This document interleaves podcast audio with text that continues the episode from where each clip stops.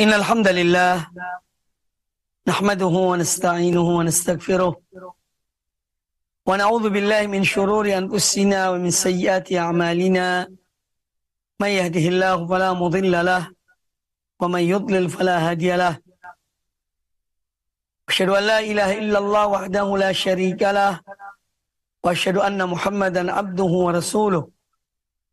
يا أيها الذين آمنوا اتقوا الله حق تقاته ولا تموتن إلا وأنتم مسلمون. يا أيها الناس اتقوا ربكم الذي خلقكم من نفس واحدة وخلق منها زوجها وبث منهما رجالا كثيرا ونساء واتقوا الله الذي تساءلون به والأرحام. إن الله كان عليكم رقيبا. يا أيها الذين آمنوا اتقوا الله وقولوا قولا سديدا.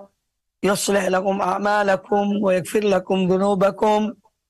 ومن يطع الله ورسوله فقد فاز فوزا عظيما. أما بعد فإن أحسن الحديث كتاب الله وخير الهدى هدى محمد صلى الله عليه وآله وسلم وشر الأمور محدثاتها وكل محدثة بدعة وكل بدعة ضلالة وكل ضلالة في النار. Ma'asyiral muslimin, para pemirsa dan para pendengar uh, radio dan televisi Roja di mana pun Anda berada. Semoga senantiasa dirahmati Allah subhanahu wa ta'ala. Amin ya rabbal alamin. Pembahasan kita dari kitab Riyadus Salihin min kalami Sayyidil Mursalin sallallahu alaihi wa alihi wasallam sampai pada pembahasan tentang kitab da'wat. Ini hal-hal yang berkaitan dengan doa. Jadi bab-bab yang mencakup dan mengumpulkan berbagai mas, uh, macam masalah yang berkaitan dengan doa. Di dalam bahasa Arab, ya, doa ini memiliki beberapa makna. Lafat doa, doa memiliki beberapa makna. Sebutkan oleh Al-Quranul Karim. Disebutkan pula oleh hadis-hadis Nabi Sallallahu Alaihi Wasallam. Di antara makna doa yang disebutkan oleh Al-Quranul Karim, yang pertama doa artinya at-tauhid. Doa artinya tahu tauhid. Contohnya adalah dalam surat Al-Jin ayat yang ke-20. Qul innama ad'u rabbi wa la usyriku bihi syai'an wa la usyriku bihi ahadan. Qul innama ad'u rabbi wa la usyriku bihi ahadan. Katakanlah wahai Muhammad, sungguhnya aku hanya ya berdoa atau hanya beribadah, bertauhid, yakni mentauhidkan Tuhanku Allah taala dan aku tidak menyekutukan dia dengan siapa pun. Qul innama ad'u rabbi. Aku dalam berdoa, dalam memohon hanya kepada Allah. Aku mentauhidkan dia. Dan aku tidak menyekutukannya dengan sesuatu. Ini makna yang pertama. Kemudian, di antara makna yang lain dari kata doa dalam Al-Quranul Karim, yaitu bermakna al-ibadah. Arti doa yaitu ibadah.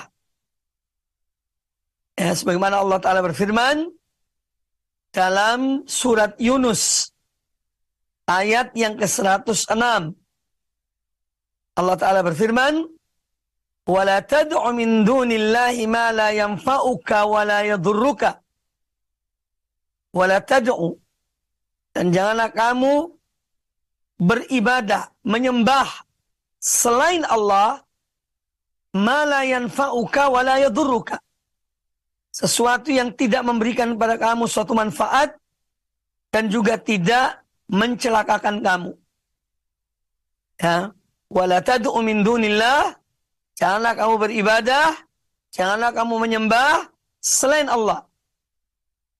Yang mana yang kamu sembah selain Allah itu la yang fauka wala yadurruk dia tidak bisa memberikan manfaat padamu dan juga tidak bisa memberikan mudarat kepadamu. Ini doa bermakna ibadah. Kemudian di antara makna doa doa lain yang disebut Al-Qur'anul Karim yaitu al-istighatsah atau al-isti'anah. Yaitu meminta pertolongan. Sebagaimana Allah taala berfirman dalam surat Al-Baqarah ayat yang ke-23. Wad'u syuhada'akum min dunillah. Ya, Wada'u syuhada'akum min dunillah. Dan mintalah pertolongan kepada saksi-saksi kalian atau orang-orang yang bisa memberikan pertolongan pada kalian selain Allah. Wad'u syuhada'akum min kuntum eh, wad'u syuhada'akum min dunillah. Dan serulah mintalah pertolongan kepada orang-orang yang menyaksikan kalian. Kalau kalian memang benar ini doa ud-ud sini bermakna isti'anah. Meminta pertolongan. Kemudian juga makna lain yang disebut Al-Quranul Karim. Yaitu doa artinya meminta. As-su'al wa talab. Yang meminta dan memo memohon.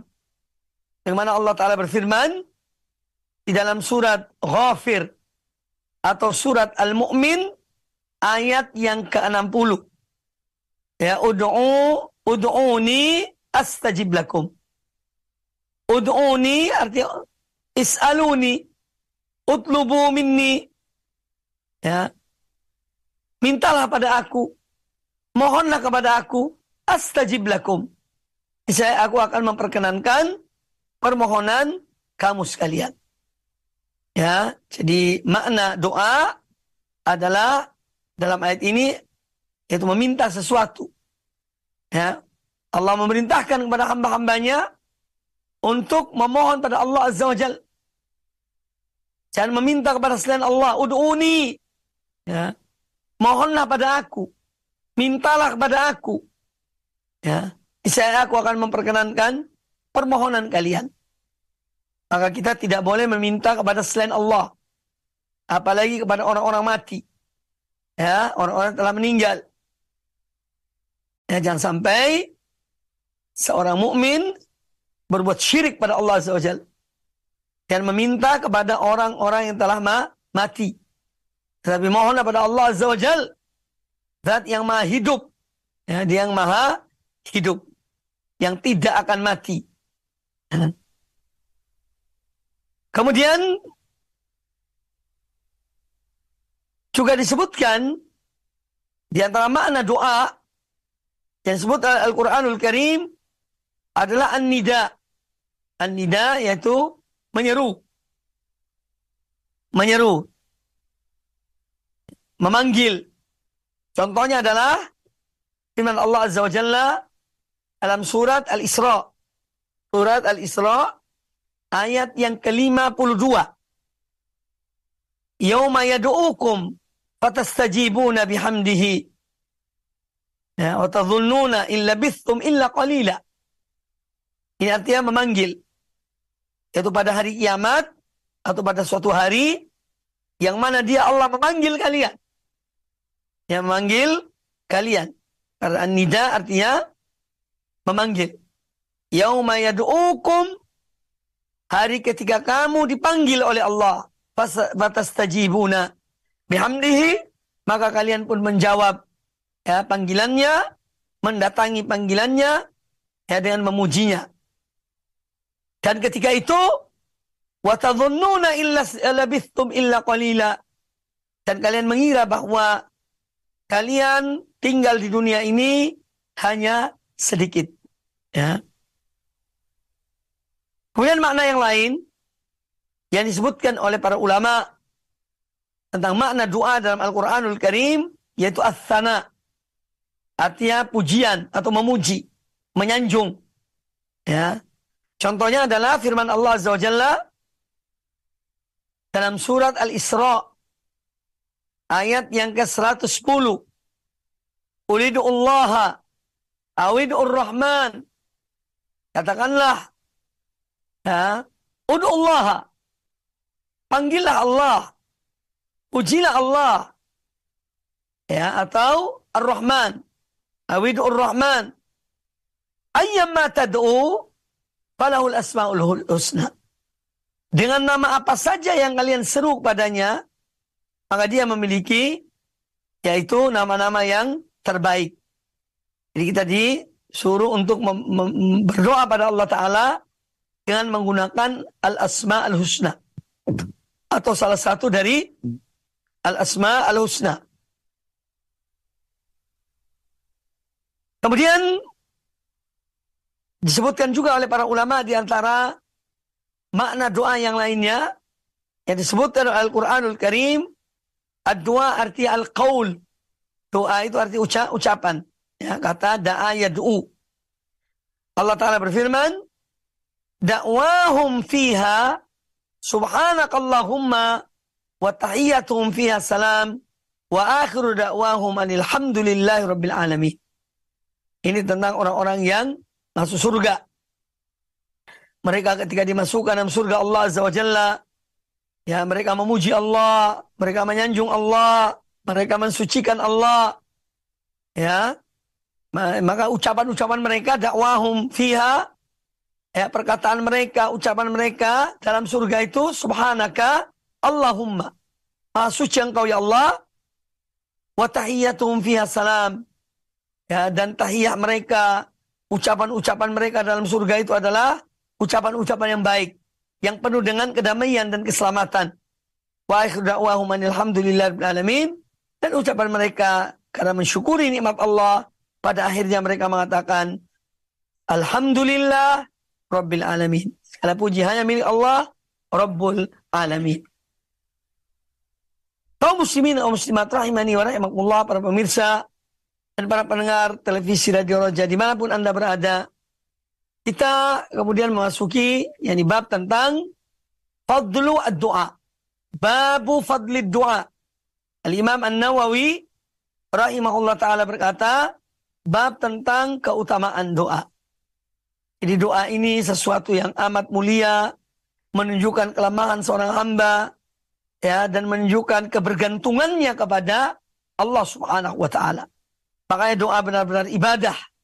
Bagaimana disabdakan oleh Nabi Sallallahu Alaihi Wasallam dalam sebuah hadis ya, yang diriwayatkan oleh Imam At-Tirmidzi hadis sahih ad-du'a'u huwal ibadah kata Nabi alaihi doa itu adalah ibadah ibadah ya maka dari itu seorang ketika dia berdoa pada Allah azza wajalla dia betul-betul uh, menunjukkan kelemahan dirinya, ketidakmampuannya, ya sehingga dia mohon kepada Allah, Zat yang maha kuat, Zat yang maha uh, mendengar, yang memberikan, menganugerahkan permohonan-permohonan para hambanya.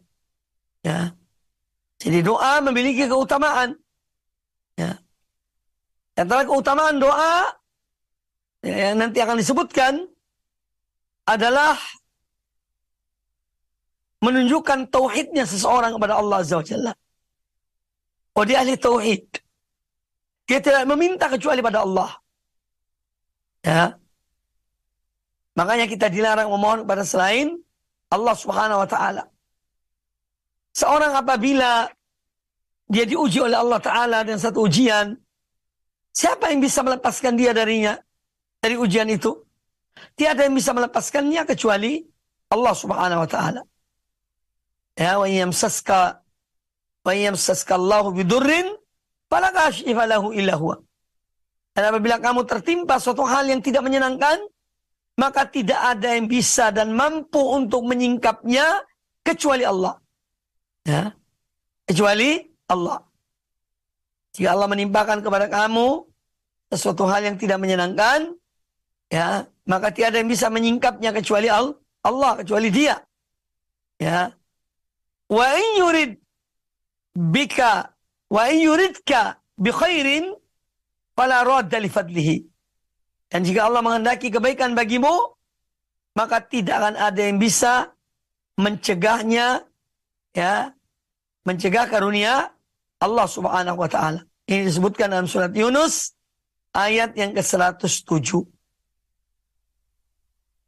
Kemudian juga Allah SWT berfirman, "Ma yaftahillahu lin-nasi min rahmatin fala mumsikalaha." Ya, apa yang Allah bukakan dari satu rahmat kepada seorang hamba kepada manusia, maka tidak akan ada yang bisa me mencegahnya atau menahannya. Ya. dan apa yang Allah menahannya maka tiada akan bisa juga orang untuk tiada yang akan bisa untuk melepaskannya atau memberi memberikannya. Masyaallah muslimin rahimani wa rahimakumullah. Sungguh satu hal yang aneh.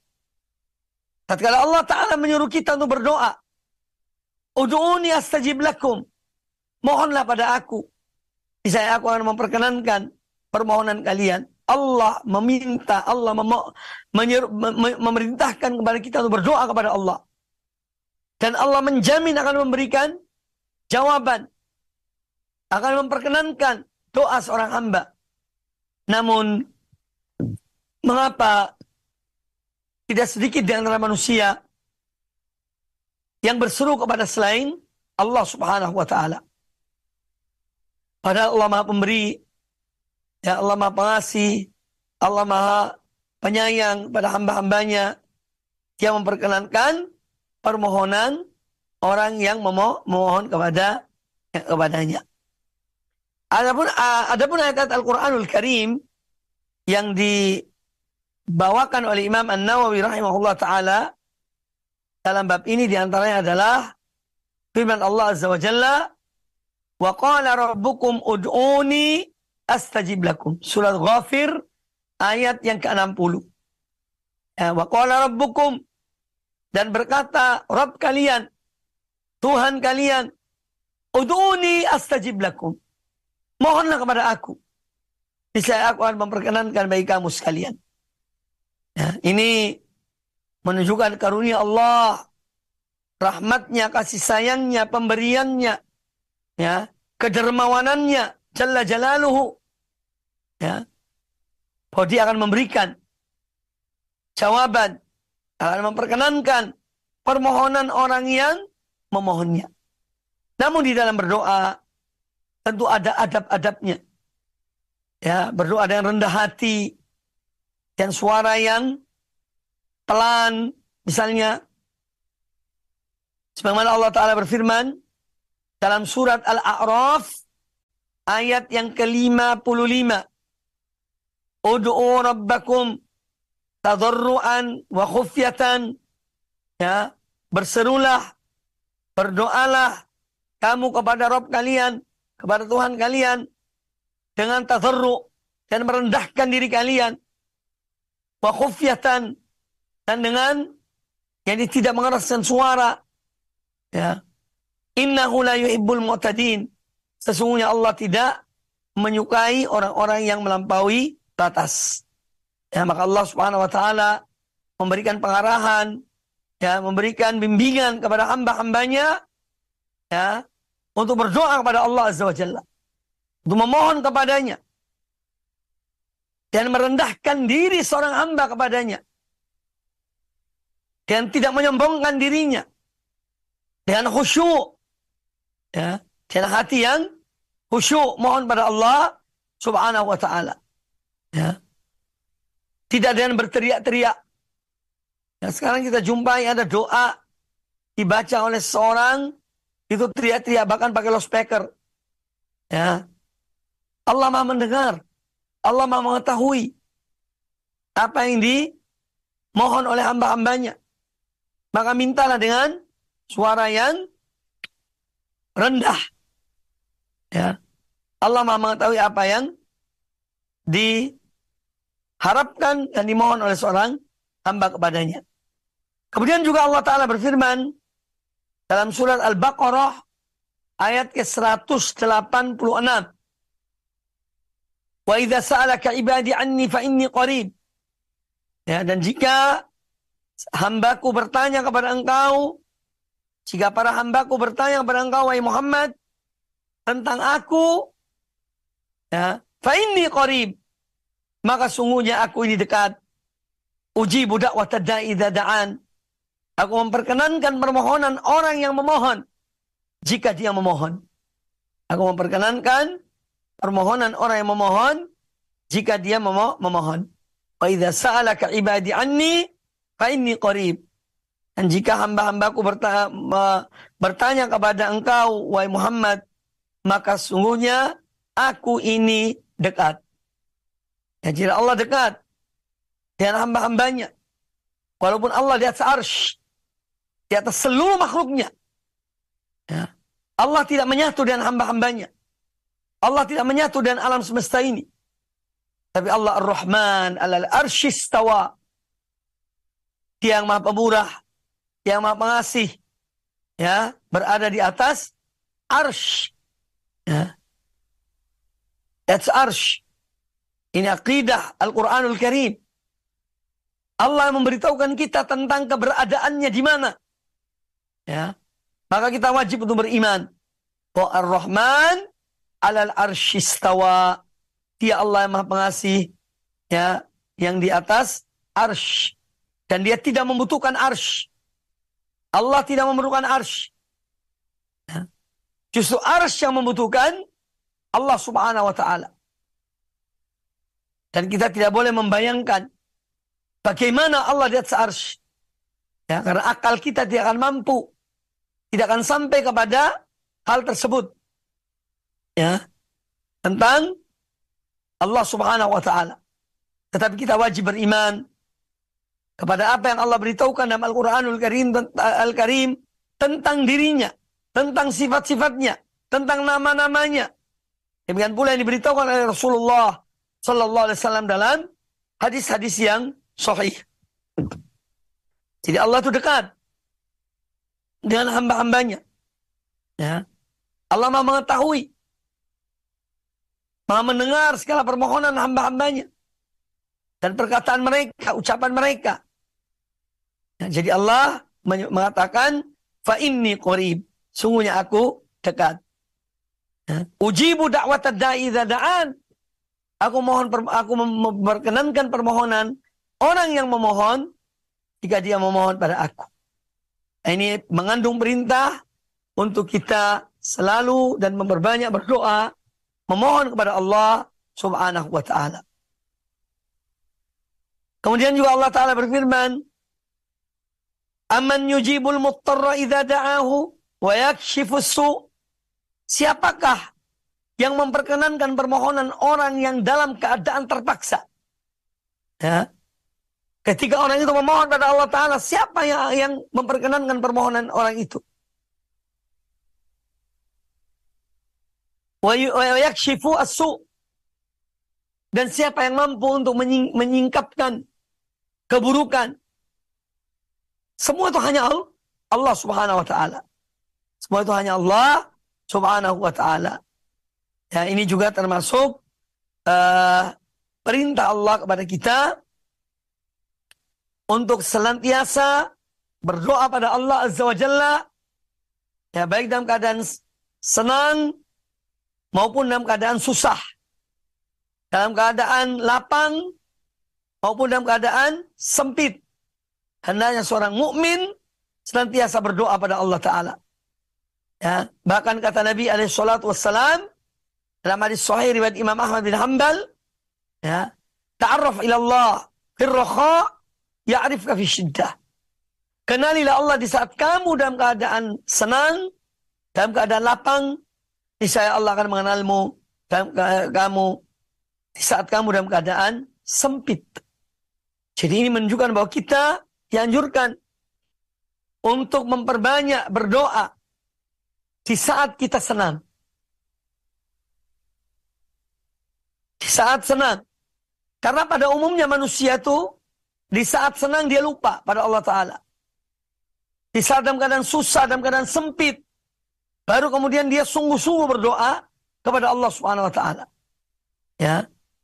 Nah, Allah uh, Nabi alaihi salatu wassalam menyuruh kita untuk senantiasa berdoa pada Allah dalam keadaan senang dan Allah akan menolong kita ketika kita dalam keadaan sem dalam keadaan sempit, dalam keadaan ter terjepit. Adapun hadis-hadis yang dibawakan oleh Al-Imam An-Nawawi rahimahullah taala dalam kitab ini atau dalam bab ini yang pertama adalah hadis An-Nu'man bin Bashir radhiyallahu anhuma.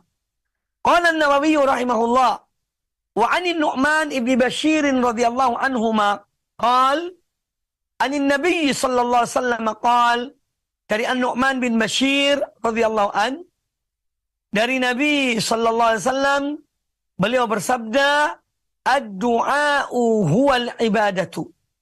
Doa itu adalah ibadah. Ya. Doa itu adalah ibadah. Dan kita dalam sholat kita itu ibadah.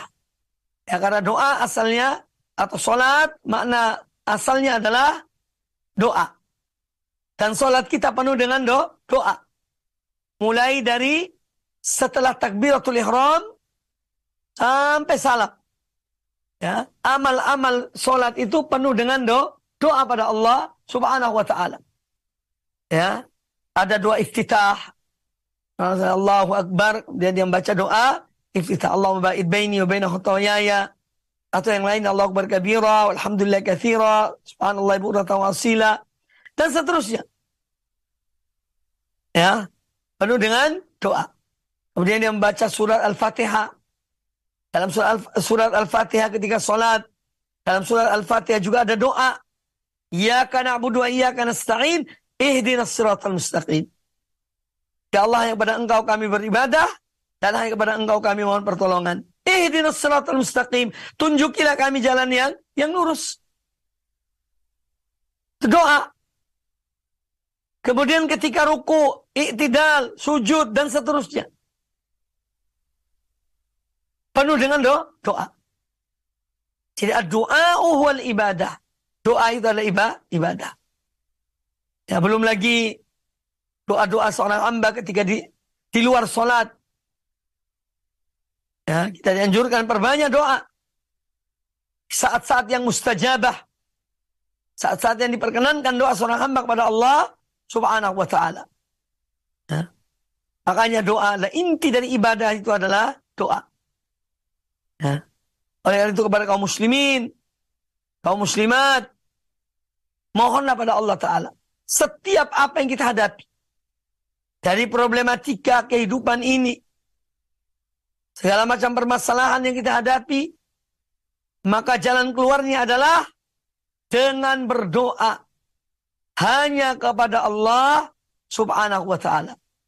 Dengan memohon hanya kepada Allah subhanahu wa ta'ala. Tidak ada jalan yang lain. Kecuali itu. Mohon pada Allah subhanahu wa ta'ala. Doa wal ibadah. Doa itu adalah ibadah. Nah, kalau doa itu ibadah, maka tidak boleh doa ini dipalingkan kepada selain Allah. Tidak boleh seorang berdoa kepada malaikat. Ya Jibril, berikanlah aku ini dan itu. Ya. Atau kepada Nabi, Ya Rasulullah, agithni wahai Rasulullah, tolonglah aku. Tak boleh, syirik namanya. Atau kepada selain Allah dan Rasulnya. Kepada seorang yang mohon kepada selain Allah. Berdoa kepada para malaikat. Syirik. Berdoa kepada Rasul. Para Rasul. Syirik. Berdoa kepada para wali. Syirik. Minta kepada mereka. Ya, ini tidak dibenar, tidak dibenarkan. Semua perbuatan-perbuatan syirik. Karena doa memohon sesuatu hanya kepada Allah subhanahu wa ta'ala.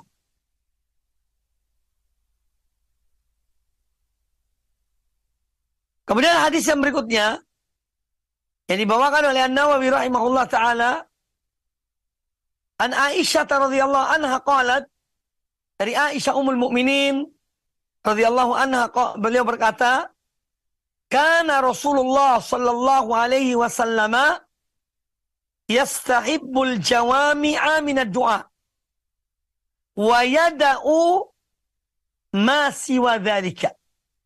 Hadis riwayat Imam Abu Dawud kata Imam An-Nawawi bi isnadin jayyidin. Dan sanad yang ba baik. Kata Aisyah radhiyallahu anha, dahulu Rasulullah sallallahu alaihi wasallam atau adalah Rasulullah adalah Rasulullah sallam yastahibbu al-jawami min doa. Beliau itu lebih menyukai ya, kalau berdoa itu dengan kalimat-kalimat yang singkat tetapi mengandung makna yang luas. Ya. Beliau kalau berdoa seperti itu. Ya, wa siwa dzalika. Dan beliau meninggalkan selain dalam berdoa selain dari kalimat-kalimat yang mengandung banyak makna. Ya, jadi beliau kalau berdoa itu tidak memperinci. Ya. Kalau berdoa tidak diperinci sampai hal-hal yang kecil, tidak. Beliau kalau memohon itu selalu dengan permohonan-permohonan yang ya kalimat-kalimat yang singkat tetapi mengandung makna yang yang luas. Contoh di antara doa Nabi alaihi salatu wassalam, Allahumma aslih li dini alladhi huwa ismatu amri. Ya Allah perbaikilah agamaku yang mana dia merupakan pemelihara semua urusanku. Ya, perbaikilah agamaku. Agama itu mencakup banyak. Ya. Mencakup akidah, mencakup ibadah, mencakup akhlak, mencakup muamalah dan yang lainnya. Allahumma aslili dini alladhi wa ismatu amri. Ya Allah perbaikilah agamaku. Ya perbaiki akidahku, ibadahku, pemahamanku dalam beragama. Ya, jadi mencakup ya kaitan dengan aga, agama. Beliau tidak memperinci satu persatu. Tapi beliau menyebut secara global. Ya, satu kata yang mencakup banyak hal. Asli li dini. Perbaiki, perbaikilah akan aga, agamaku. Alladhi wa ismatu amri. Yang mana agamaku itu menjadi pemelihara bagi perkara atau urusanku. Ya. Wa asli li dunyai allati fiha ma'ashi. Dan perbaikilah bagi aku akan duniaku yang dia tempat hidupku. Di dunia itu banyak banyak hal. Ya, banyak perkara dalam dunia ini. Ekonominya, ya, kesehatannya dan yang lainnya. Ya, maka kalimat dunia ini mencakup banyak hal berkaitan dengan perkara-perkara dunia duniawi. Eh, seorang hamba mohon pada Allah agar diperbaiki dunianya oleh Allah Ta'ala. Nah ini contoh. Ya, contoh yang di doa Nabi Alaihissalam. Wasli li akhirati allati fiha ma'adi. Perbaikilah akan akhiratku yang dia merupakan tempat kembali aku. Ya. Nah ini contoh. Ya. Jadi doa Nabi alaihi salatu wasalam ya itu tidak tidak memilih yang terperinci, tapi beliau memilih kata-kata yang mencakup banyak mak banyak makna. Yang mencakup banyak makna. Banyak cakupannya.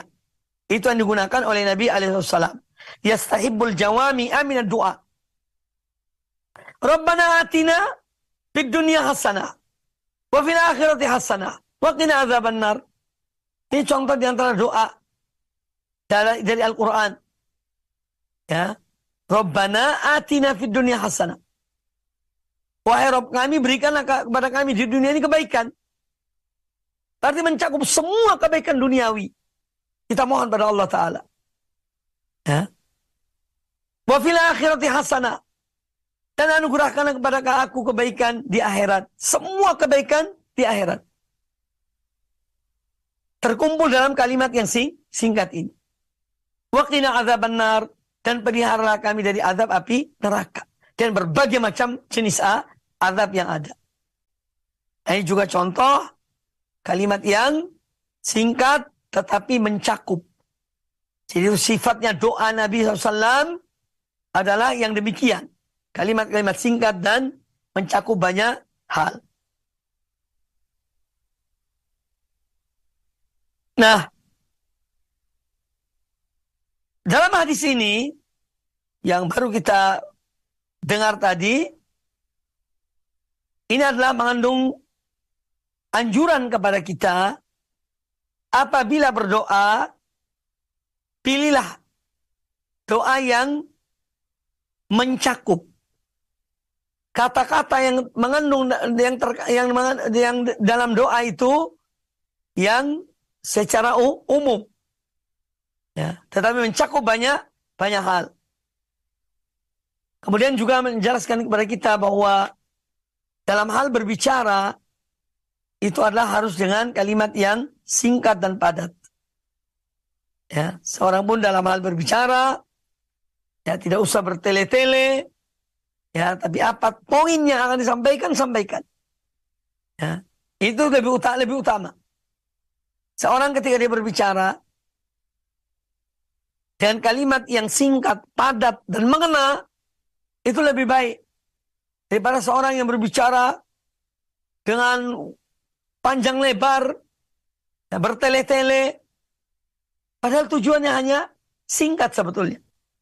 Maka yang lebih utama dan lebih baik dalam berbicara itu adalah yang menggunakan kalimat-kalimat singkat tapi mengandung banyak bisi, banyak makna yang disampaikan kepada manusia dalam ber, dalam pembicaraannya. Nah, apalagi kita dengan Allah Subhanahu wa taala. Ya. Minta pada Allah Azza wa. Ya, dengan kalimat yang singkat, padat. Karena Allah Ta'ala maha mengetahui apa yang diinginkan oleh, ham, oleh hambanya ketika berdoa kepadanya. Kemudian hadis yang berikutnya. Kata Imam An-Nawawi rahimahullah ta'ala. Wa an Anas radhiyallahu anhu qal. Dan dari Anas, itu Anas bin Malik radhiyallahu anhu beliau berkata, Kana aktsaru du'ain Nabi sallallahu alaihi wasallam Allahumma atina fid dunya hasanah wa fil akhirati hasanah wa qina adzabannar. Ya. Hadis riwayat Imam Bukhari dan Imam Muslim. Zada Muslim fi riwayatihi qal dan Imam Muslim menambah dalam riwayatnya wa kana Anasun idza arada an yad'u an yad'u bi da'watin da'a biha dan adalah Anas dahulu kalau beliau ingin berdoa maka beliau berdoa dengan doa ini. Ya.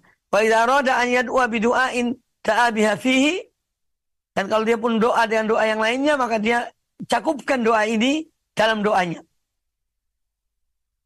Dari Anas bin Malik radhiyallahu anhu beliau berkata, "Aksa kana aktsaru du'ain Nabi sallallahu alaihi wasallam" di antara doa uh, atau kebanyakan doa yang dibaca oleh Nabi SAW adalah Allahumma atina fid dunya hasanah. Ya Allah, berikanlah kepada kami di dunia ini kebaikan. Wa fil akhirati hasanah. Dan berikanlah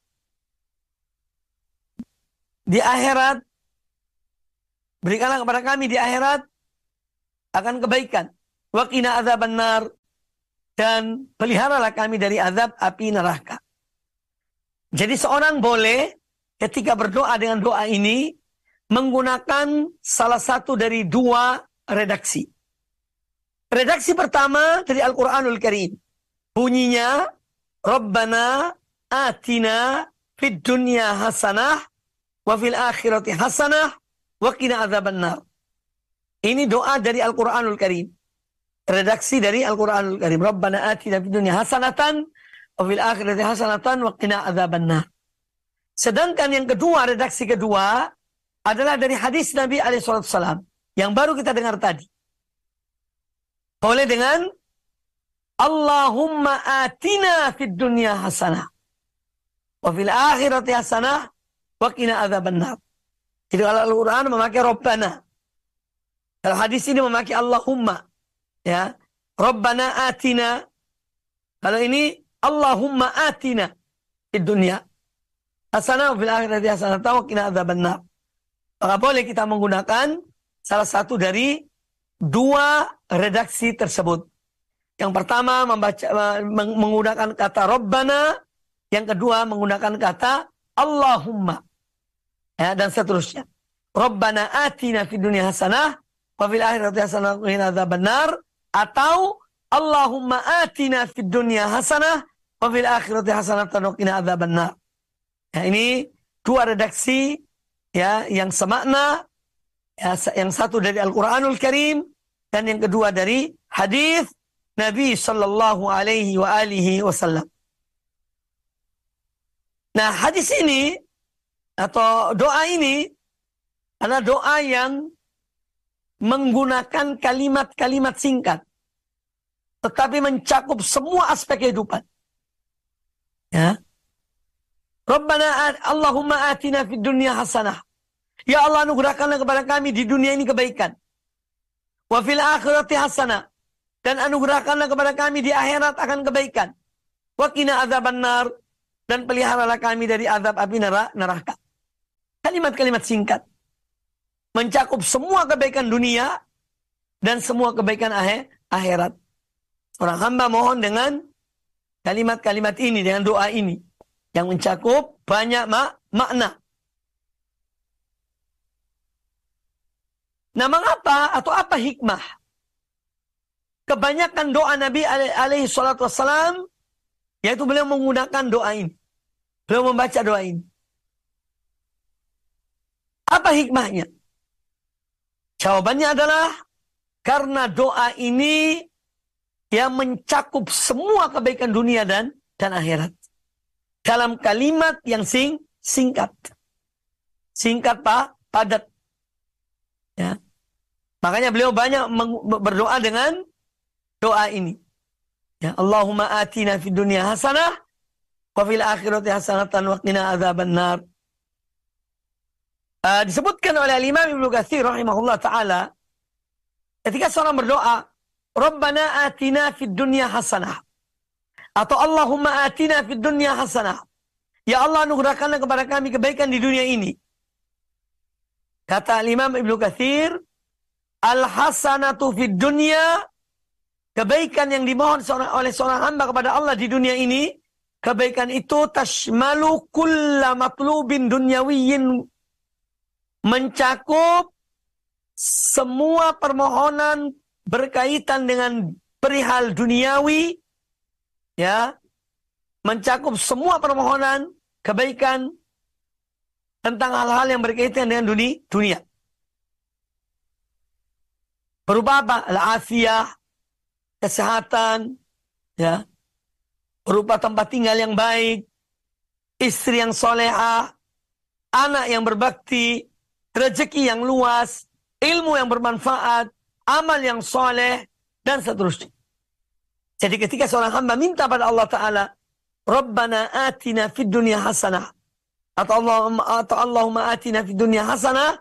Hasanah ini mencakup semua kebaikan dunia. Menjawab semua kebaikan di di dunia ini. Dimohon dalam doa tersebut.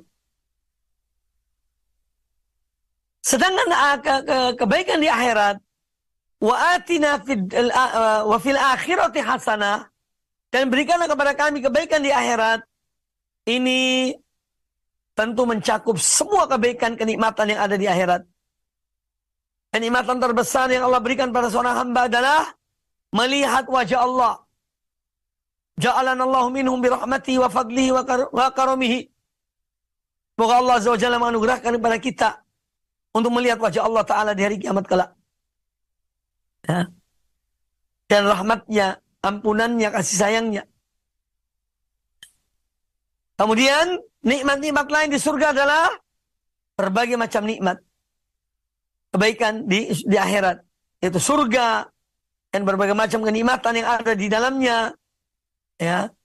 Kemudian juga mohon kebaikan di akhirat adalah termasuk memohon al-aman, rasa aman ya di akhirat kelak.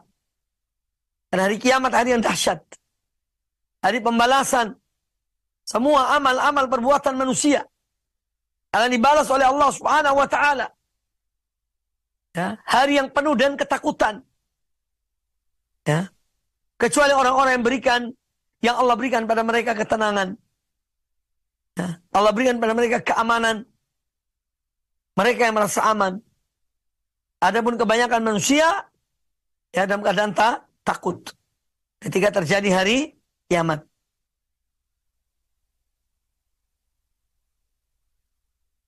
Kemudian uh, tentang permohonan kepada Allah agar terpelihara dari azab api neraka ini adalah seorang mohon pada Allah Azza agar mempermudah dia di dunia ini untuk berbuat kebaikan dan mencegahnya dari berbuat keburuk, keburukan. Ya. Dan mencegah dia dari berbuat keburuk, keburukan-keburukan yang diharamkan oleh Allah Subhanahu wa taala. Kemudian hadis ini juga menjelaskan kepada kita tentang bagaimana semangatnya para sahabat radhiyallahu anhum ajmain dalam menjaga atau mengamalkan ilmu yang mereka peroleh dari Nabi Shallallahu Alaihi Wasallam. Contoh dalam, dalam hadis ini adalah Anas bin, Anas bin Malik. Yang mana beliau Anas bin Malik ini uh, telah berupaya atau menghafalkan doa yang diajarkan oleh Rasulullah Sallallahu Alaihi Wasallam. Maka kaum muslimin para pemirsa rahimakumullah hendaknya kita juga memperbanyak doa ini. Allahumma atina fid dunya hasanah wa fil akhirati hasanah wa qina adzaban nar. Atau dengan lafaz Al-Quran, redaksi dari Al-Quran, Rabbana atina fid dunya hasanah, wa fil akhirati hasanah wa qina adzabannar. Ya, sebagian orang menamakan doa ini dengan istilah mereka, doa sapu jagat. Ya, ini mencakup semua kebaikan dunia dan dan akhirat. Ya, ya tidak ada sih. Intinya doa ini adalah doa yang di, banyak dibaca oleh Rasulullah Sallallahu Alaihi Wasallam. Kemudian Hadis yang berikutnya. Qala al-Imam An-Nawawi rahimahullah taala, Al-Imam An-Nawawi rahimahullah berkata, wa an Ibnu Mas'ud anhu qal, dari Abdullah bin Mas'ud radhiyallahu an, beliau berkata, anna Nabi sallallahu alaihi wasallam kana yaqul adalah Nabi sallallahu alaihi wasallam dahulu dalam doanya beliau berkata atau beliau memohon Allahumma inni as'aluka al-huda wat-tuqa wal-afaf wal-ghina. Hadis riwayat Imam Muslim. Di antara doa yang diajarkan oleh Nabi alaihi salatu salam dan beliau selalu memohonnya kepada Allah Azza wa Jalla. Beliau memohon kepadanya empat hal. Allahumma inni as'aluka al-huda. Ya Allah, aku mohon, ya Allah, aku mohon kepada engkau petunjuk. Aku mohon kepada engkau petunjuk. Petunjuk di sini ini adalah mengandung dua macam petunjuk. Ya, ada hidayatul bayan wal irsyad dan ada hidayatul taufiq. Hidayatul at-taufiq. Petunjuk itu ada dua macam. Petunjuk berupa ilmu yang bermanfaat. Yang menunjuki yang baik. Dari yang buruk yang halal dari yang haram. Ya. Dari eh, al-haq dari yang menunjukkan al, ke kebenaran dari kebatilan. Ini pedoman petunjuk, keterangan. Temuan pada Allah Ta'ala ilmu yang bermanfaat. Sebagai hidayah, petunjuk. Dan hidayah yang kedua adalah taufik. Hidayah taufik hanya milik Allah. Artinya supaya seorang itu bisa mengamalkan ilmunya. Bisa mengamalkan hidayah yang sampai kepadanya. Maka seorang minta hidayah pada Allah Ta'ala. Ini as'aluk al-huda. Ya Allah, aku mohon pada engkau petun petunjuk. Wattuqa. Aku mohon pada engkau, ya Allah, ketakwaan. Ketakwaan mencakup banyak hal berkaitan dengan ketakwaan. Ketakwaan lahir dan batin. Ada orang takwanya lahirnya saja tapi batinnya tidak takwa. Ya. Atau dia bertakwa di saat banyak manusia. Tapi ketika dia sendirian, maka dia tidak bertakwa pada Allah Ta'ala. Nah, kita ketika memohon pada Allah Ta'ala at-tuqa, ya Allah anugerahkanlah kepada kami, aku mohon pada engkau ketakwaan. Ini ketakwaan dalam segala hal. Mohon pada Allah Ta'ala agar kita menjadi hamba Allah yang bertakwa dalam semua keadaan. Dalam semua kondisi. Dalam semua perihal. Apa-apa yang dengannya seorang bertakwa kepada Allah Ta'ala. Dari memakan yang haram, termasuk takwa. Dari mengucapkan kalimat yang haram, dan yang lainnya. Jadi seorang mohon pada Allah Ta'ala ketakwaan, yang mana kalimat ini juga mencakup ketakwaan dalam segala hal. Kata Nabi SAW, Ittaqillah itu makunta. Bertakwalah kamu kepada Allah di mana pun kamu berada. Ya. Maka permohonan ketakwaan di sini ketakwaan dari perbuatan-perbuatan yang diharamkan oleh Allah Azza wa Jalla. Ini agar seorang betul-betul bertakwa. Ya, dia meninggalkan apa yang diharamkan oleh Allah. Dan dia mengerjakan apa yang diperintahkan oleh Allah. Itu takwa. Kemudian wal afaf. Ya Allah, aku mohon pada engkau al-afaf. Al-afaf itu kehormatan diri seseorang. Ya. Iffah. Iffatun nafs. Kita mohon pada Allah Ta'ala agar kita menjadi hamba-hamba Allah yang selalu menjaga kehormatan diri kita. Selalu menjaga kehormatan diri kita. Bagaimana kita menjaga kehormatan diri kita? Pertama dengan menjaga lisan kita. Mulut ini, ya, Lidah ini benda yang tidak bertulang tapi berbahaya. Orang yang selalu menjaga lisannya, ya, maka dia akan menjadi orang yang terhor, terhormat. Karena dia tidak pernah berbicara yang aneh-aneh, tidak pernah berbicara kalimat-kalimat yang jorok dan kotor, tidak pernah berbohong, berdusta, ya, dan yang lainnya. Dia menjaga lisannya. Maka dia akan menjadi orang yang terhormat. Ya. Tetapi kalau seorang tidak bisa menjaga lisannya, ya, maka dia akan terhi, terhina. Atau dia biasa berbohong, biasa berdusta, maka orang tidak akan percaya kepadanya. Jadi iffatul lisan.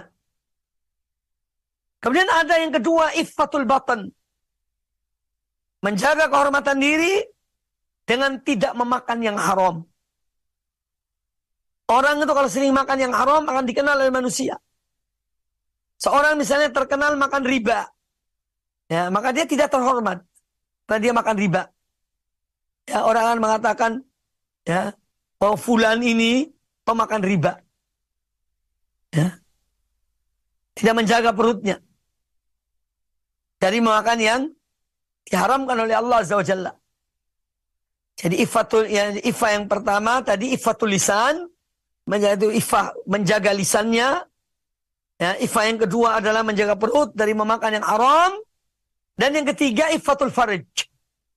Menjaga kehormatan dirinya dan menjaga kehormatannya, kemaluannya dari berbuat yang haram. Maka dia akan mendapatkan ya izzah kehormatan di dunia ini. Yang mohon pada Allah Ta'ala al-afaf jadi menjaga kehormatan diri kita dari dengan menjaga lisan, menjaga perut, dan menjaga ke kemaluan seorang. Kemudian yang keempat, wal ghina. Ya Allah, aku mohon pada engkau al ghina. Al ghina ini merasa, uh, kepu, uh, merasa puas terhadap nikmat Allah. Sehingga dia selalu bersyukur pada Allah Ta'ala. Merasa cukup dengan pemberian Allah. Ya, Allahumma inni as'aluka al-ghina. Al-ghina yaitu kecukupan dalam diri seorang. Seorang hamba kalau merasa di, selalu merasa diri cukup, puas dengan pemberian Allah, maka dia akan menjadi hamba yang banyak bersyukur pada Allah Ta'ala.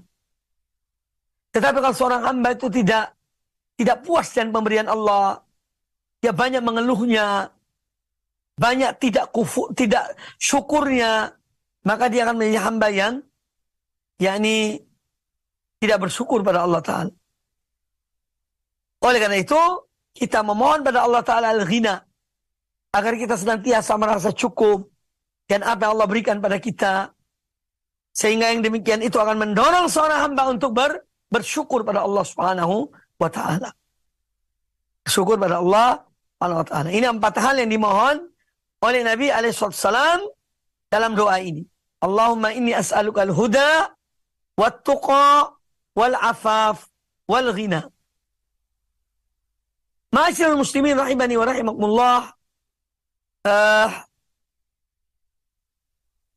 itu di antara doa-doa yang diajarkan oleh Nabi Alaihissalam kepada kita dan insya Allah masih ada lagi beberapa doa yang disebutkan dalam bab ini. Ya semua ini kaitannya pembahasan kita tentang doa. Ya. Dan ini pembahasan yang bagus karena apa? Kita selama ini berdoa, tapi mungkin seorang tidak tahu yang dibaca itu apa sih? Yang dimohonkan pada Allah itu apa? Maka dengan mempelajari pembahasan tentang doa-doa ini, ya kita berharap untuk kita bisa memahami ya dan mendalami apa yang kita mohon pada Allah selama ini. Ya. Supaya kita mengetahui yang kita mohon pada Allah Ta'ala selama ini apa? Itu dengan menjelaskan masalah doa-doa yang diajarkan oleh Nabi Sallallahu Alaihi wa alihi Wasallam. Masyaallah muslimin rahimani wa rahimakumullah. Hadis Abdullah bin Mas'ud yang di baru kita baca tadi menjelaskan tentang ya An Nabi alaihissalam adalah contoh teladan bagi kita. Ya, beliau adalah contoh teladan bagi bagi umat beliau. Beliau selalu mohon pada Allah Ta'ala empat perkara. Ini menunjukkan pentingnya empat perkara ini. Yaitu petunjuk, ketakwaan, al-afaf, agar senantiasa menjaga kehormatan diri seorang. Dan yang keempat adalah meminta pada Allah Ta'ala kecukupan. Meminta pada Allah Ta'ala rasa puas dalam diri seorang. Terhadap nikmat-nikmat Allah. Ya, ini empat hal penting jadi doa Nabi SAW yang beliau baca, yang beliau ajarkan kepada kepada kita. Nah, doa ini bagus, hendaknya kita selalu membacanya. Allahumma inni as'aluka al-huda wa tuqa wal afafa wal wal ghina. Kemudian hal ini juga hadis ini memberikan pelajaran kepada kita tentang pentingnya petunjuk. Seorang tanpa petunjuk dari Allah dia akan sesat. Tanpa hidayah dari Allah dia akan menyimpang dari agama Allah. Maka seorang mohon pada Allah Ta'ala hidayah. Ya. Agar dia tetap berada di atas jalan Allah. Di atas agama Allah. Tidak menyimpang dari jalan Allah dan dari agama Allah Subhanahu wa taala. Karena petunjuk Allah nikmat terbesar yang Allah berikan pada hamba-hambanya. Dan tidak semua hamba Allah diberikan petunjuk. Allah hanya memberikan petunjuk itu kepada hamba-hambanya yang dicintainya. Ya. Kemudian tuqwa mohon kepada Allah tentang ketakwaan. Ini pun penting. Seorang mendapat petunjuk tapi tidak mempunyai ketakwaan. Maka dia akan melang melanggar petunjuk itu. Karena tidak ada rasa takut dalam dirinya. Tidak ada ketakwaan dalam dirinya. Padahal dia tahu tentang petunjuk itu. Maka untuk melengkapi ini, ya, agar sempurnanya petunjuk itu, kita mohon pada Allah ketakwa, ketakwaan. Kemudian al-afaf. Ini kaitannya dengan kehidupan seorang hamba di tengah masyarakatnya. Ya. Nama baik itu penting untuk dijaga. Ya. Penting untuk dipelihara. Ya, sehingga tidak merusak kehormatan seorang.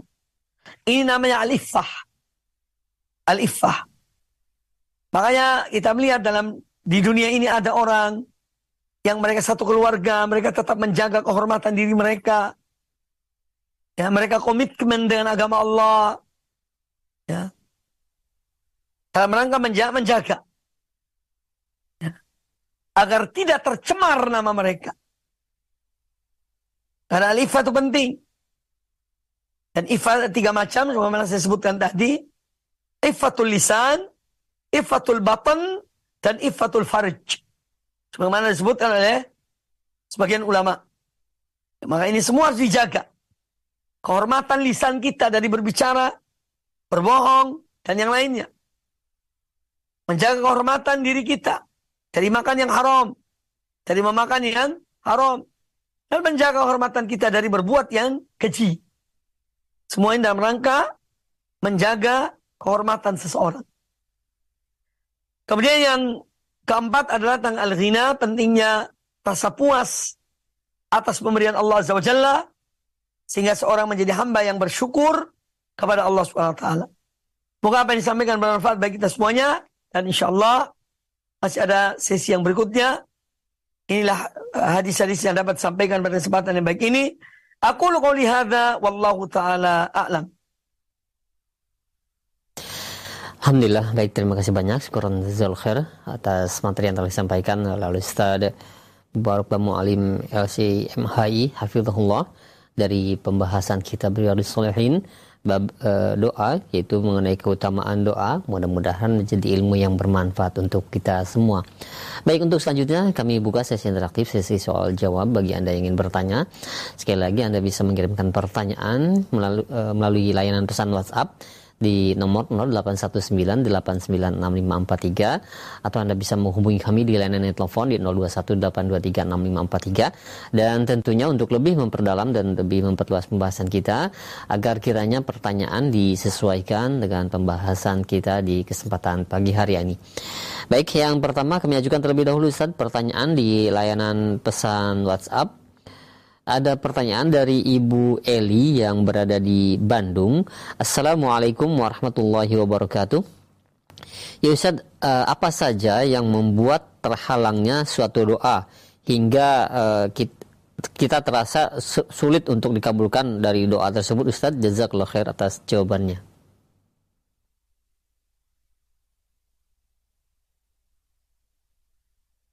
Baik, pertanyaannya uh, bagus tentang apa yang menjadikan doa itu terhalang dari dikabulkannya oleh Allah Ta'ala.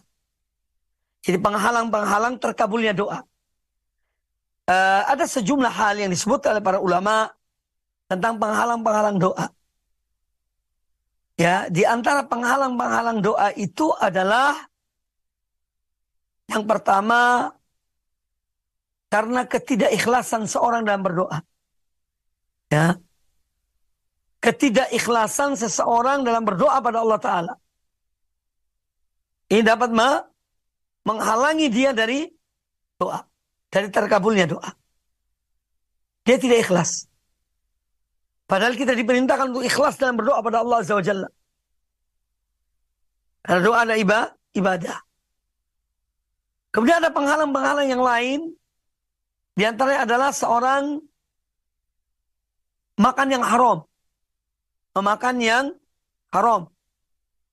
Ini juga termasuk penghalang doa. Makanan yang haram itu apa? Ada yang haram karena bendanya memang haram. Seperti babi, anjing. Ya. Ada makanan yang haram karena sebab. Sebabnya muamalah misalnya dan menipu. Dia makan yang haram karena menipu orang. Ya. Membohongi orang. Jadi makanan yang haram itu ada dua macam. Ada yang haram di dhatihi. Ada yang haram di ghairihi. Ya. Si haram karena memang zatnya haram. Berarti minum-minuman keras. Ya. Haram. Ya. Makan daging babi. Haram. Makan daging anjing. Haram. Ya makan yang haram. Atau yang kedua, haram yang karena sebab. Ya. Yang mendapat rezeki, tapi dengan jalan yang haram. Bukan jalan yang halal. Ya, dia kemudian makan dari yang haram itu. Ini juga ya, ini di antara hal-hal yang termasuk memakan yang haram. Baik itu haram li dhatihi, haram karena memang bendanya haram, atau yang kedua haram karena se sebab. Ya. Kemudian di antara penghalang doa itu adalah istijal. Seorang tergesa-gesa dalam berdoa. Sehingga dia mengatakan, ah, ya Allah aku sudah berdoa sekian tahun, sekian bulan kok tidak dikabulkan permohonannya. Ya. Maka di sini pentingnya seorang itu yakin betul kepada Allah Ta'ala bahwa dia akan memberikan setiap atau sesuatu yang dimohon oleh seorang hamba. Ya. Apabila seorang yakin dan dia tidak putus asa kepada rahmat Allah. Kemudian dia dalam berdoa dia ya sungguh-sungguh dalam berdoa. Nah, maka insya Allah ya, doanya akan terka, terkabul. Dan dia menghindarkan dirinya dari memakan yang yang haram. Maka insya Allah doanya dikabulkan oleh Allah Ta'ala. Dan doa itu kalau terkesan, ketika seorang berdoa, terkesan kok belum diberikan oleh Allah Ta'ala, ketahuilah bahwasanya dalam memperkenankan permohonan seorang hamba atau membalas doa seorang hamba itu yang pertama Allah berikan apa yang dia mohon. Yang diminta langsung diberikan oleh Allah Ta'ala. Yang kedua, tidak langsung. Tapi kemudian diberikan. Ya. Kemudian ya, setelah berapa waktu baru diberikan oleh Allah Ta'ala. Yang ketiga, kalaupun tidak diberikan di dunia, Allah akan jadikan sebagai satu amal kebaikan baginya untuk di akhirat kelak. Untuk di akhirat kelak. Maka intinya bahwa seorang yang berdoa pada Allah Ta'ala tidak akan mengalami kerugi, kerugian. Pasti dia mendapatkan keuntungan. Baik di dunia maupun di, di akhirat. Wallahu ta'ala a'lam.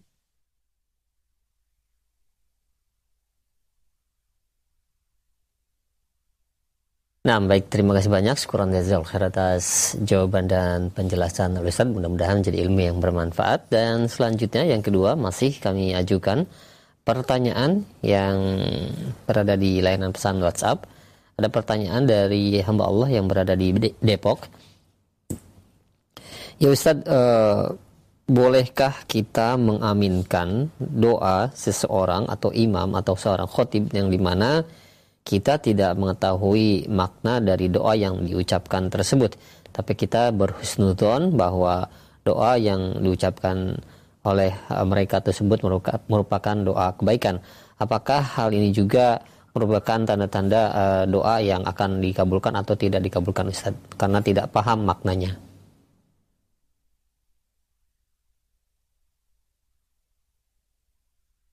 uh, baik ini berkaitan dengan adab-adab uh, dalam ibadah sholat Jumat misalnya.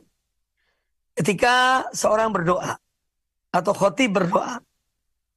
Memang ada sebagian ulama mengatakan ketika khotib berdoa, jamaah itu mengamininya.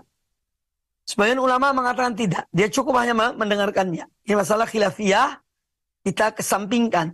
Tapi intinya, kalau seorang ya dia itu berdoa, eh, dia mendengar ada khotib atau orang lain dalam dalam dalam apa eh, dalam suatu munasabah tertentu dalam kesempatan tertentu ada orang yang dia berdoa ya maka yang pertama dia mengamininya ya dia mengamininya.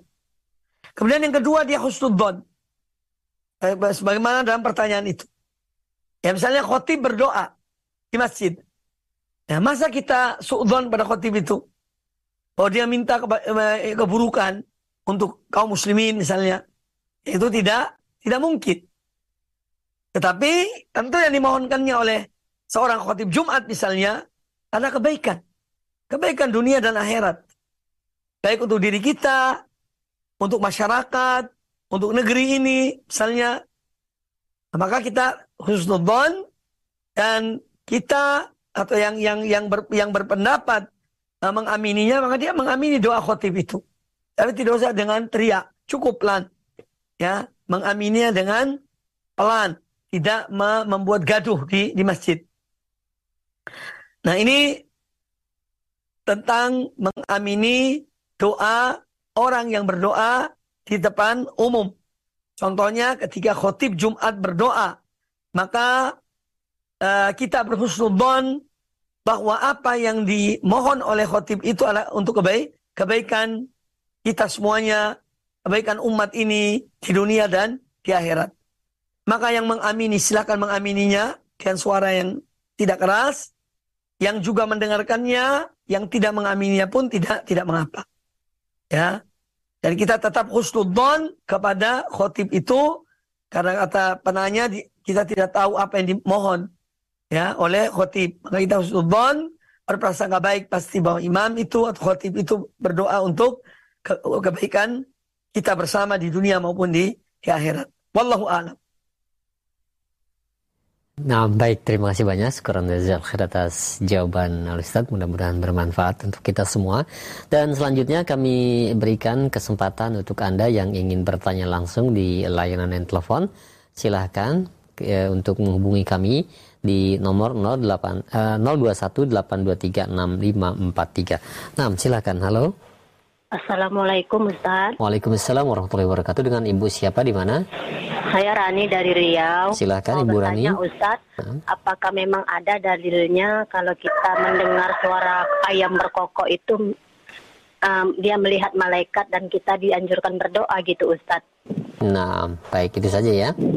Iya, terima baik, kasih, terima kasih Ustaz. banyak. Assalamualaikum warahmatullahi wabarakatuh. Waalaikumsalam warahmatullahi wabarakatuh. Nah, silakan Ustaz.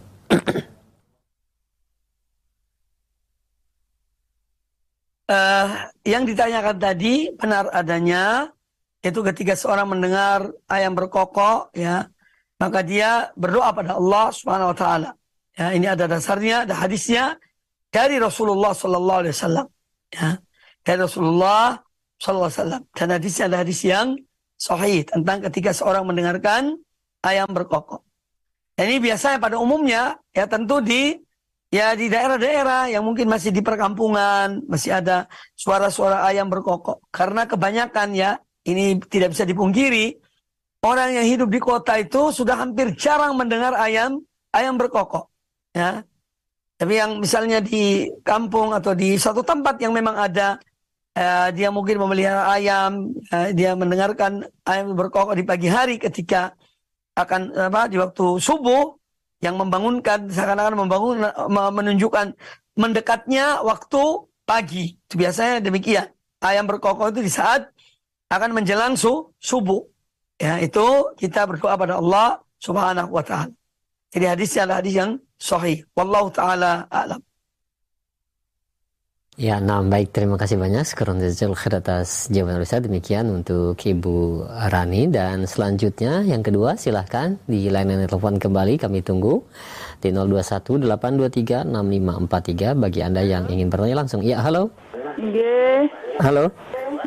Assalamualaikum warahmatullahi wabarakatuh. Waalaikumsalam warahmatullahi wabarakatuh. Dengan Ibu siapa di mana? Mbak Allah di Surabaya. Di Surabaya. Silakan Ibu. Nggih, mau tanya pada beliau Ustadz Habibat Ustadz Nasum Habibullah Taala dengan panjenengan yang menerima telepon. Nah. Ini Ustadz ya, bagaimana kalau kami men, kami membuat berita dengan tangan bukan dengan lisan tapi tiap hari, yaitu berita hoax bohong. Bagaimana Ustaz? Meskipun itu guyonan boleh apa tidak? Nah. Berita bohong lewat tangan tidak lewat lisan iya. di medsos di medsos tiap hari itu boleh apa tidak Ustaz? Dosa apa tidak? Mbah iya. Nun barokah fikum masalah barakatuh. Waalaikumsalam warahmatullahi wabarakatuh. Nah, silakan Ustaz.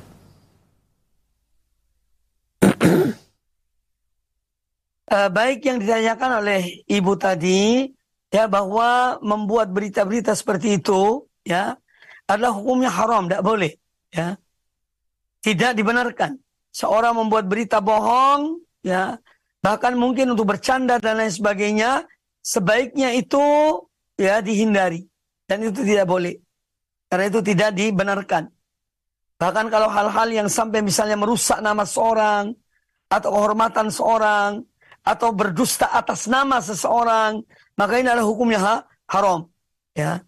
Lebih baik ya misalnya ibu yang dengan menggunakan uh, medsos tadi itu mencari hal-hal yang bermanfaat, ilmu yang bermanfaat, kalimat-kalimat yang baik itu di, disebarkan itu lebih utama, lebih utama, lebih bermanfaat, dapat pahala daripada memberikan, menyampaikan atau menyebarkan berita boh, bohong walaupun mungkin itu bercanda. Ya. Nah ini uh, juga tentu tidak hanya untuk ibu yang bertanya tapi semua kita. Ya, kepada semua pendengar, pemirsa, kalau mungkin ada yang punya hobi demikian, membuat hoax, kemudian tuh untuk guyon-guyonan di apa di, di medsos, hal-hal yang tidak bermanfaat, ini sebaiknya dihindari, ya. Karena dampaknya itu akan besar. Dia menyebar ke banyak kalangan, ya. Maka seorang kalau dia memberi eh, dia uh, berbuat satu keburukan misalnya mengucapkan kalimat yang tidak benar ya dari di medsos itu kemudian disebarkan dan itu terus disebarkan pada orang banyak, dia mendapat dosanya. Ya, dia mendapat do, dosanya. Ya, naudzubillah min. Mari kita manfaatkan sarana ini yang uh, yang merupakan salah satu dari nikmat Allah ini kita gunakan untuk hal-hal yang positif, yang baik, yang untuk menyebarkan kebaikan, menyebarkan sunnah, menyebarkan tauhid, menyebarkan kalimat-kalimat yang baik kepada hamba-hamba Allah Subhanahu wa taala. Sehingga kita juga mendapatkan pahala di sisi Allah taala. Wallahu taala a'lam. Nah, baik terima kasih banyak Sekron jazal khair atas jawaban Ustaz. Nah, satu pertanyaan terakhir Ustaz kami ajukan di layanan pesan WhatsApp. Nah, ada pertanyaan. Ya Ustaz, benarkah suatu perkataan uh, yang perkataan ini di mana dinisbatkan kepada Umar bin Khattab radhiyallahu anhu yaitu uh, secara makna aku tidak peduli doaku akan dikabulkan atau tidak yang penting aku terus berdoa kepada Allah Subhanahu wa taala. Uh, jika benar perkataan tersebut, bagaimana de, uh, korelasinya dengan keyakinan kita uh, ketika berdoa itu husnuzon kepada Allah? Uh, pasti Allah akan mengabulkan doa kita dan kita juga berharap doa tersebut akan dikabulkan Ustaz. Mohon jawaban dan nasihatnya.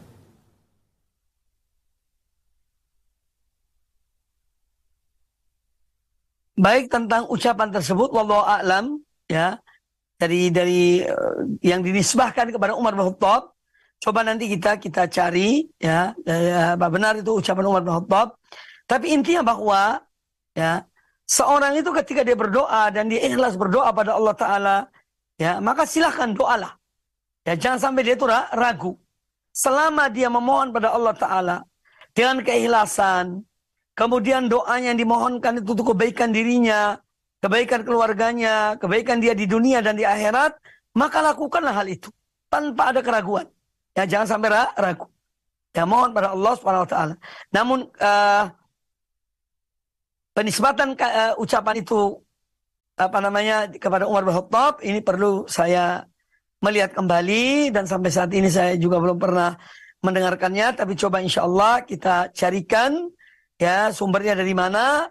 Nah, nanti mudah-mudahan bisa disampaikan pada kesempatan-kesempatan yang akan datang.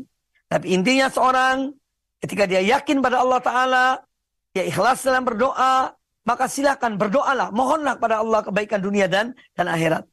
Ya, dan tidak usah peduli. Ya. Artinya, ya bahwa kita yakin Allah akan memberikan kepada kita doa apa permohonan kita.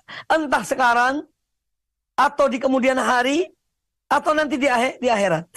Ya, atau nanti di, di akhirat. Insya Allah Ta'ala. Demikian yang dapat disampaikan pada kesempatan yang baik ini. Semoga bermanfaat bagi kita semuanya. Aku qouli hadza wallahu taala a'lam. Uh, kami kembalikan kepada uh, pembawa acara dan mudah-mudahan uh, kajian kita pada kesempatan yang baik ini bermanfaat bagi kita semuanya. Lebih kurangnya saya mohon maaf. Subhanakallah bihamdika asyhadu an la ilaha illa anta astaghfiruka wa atubu ilaik. Wa sallallahu wa ala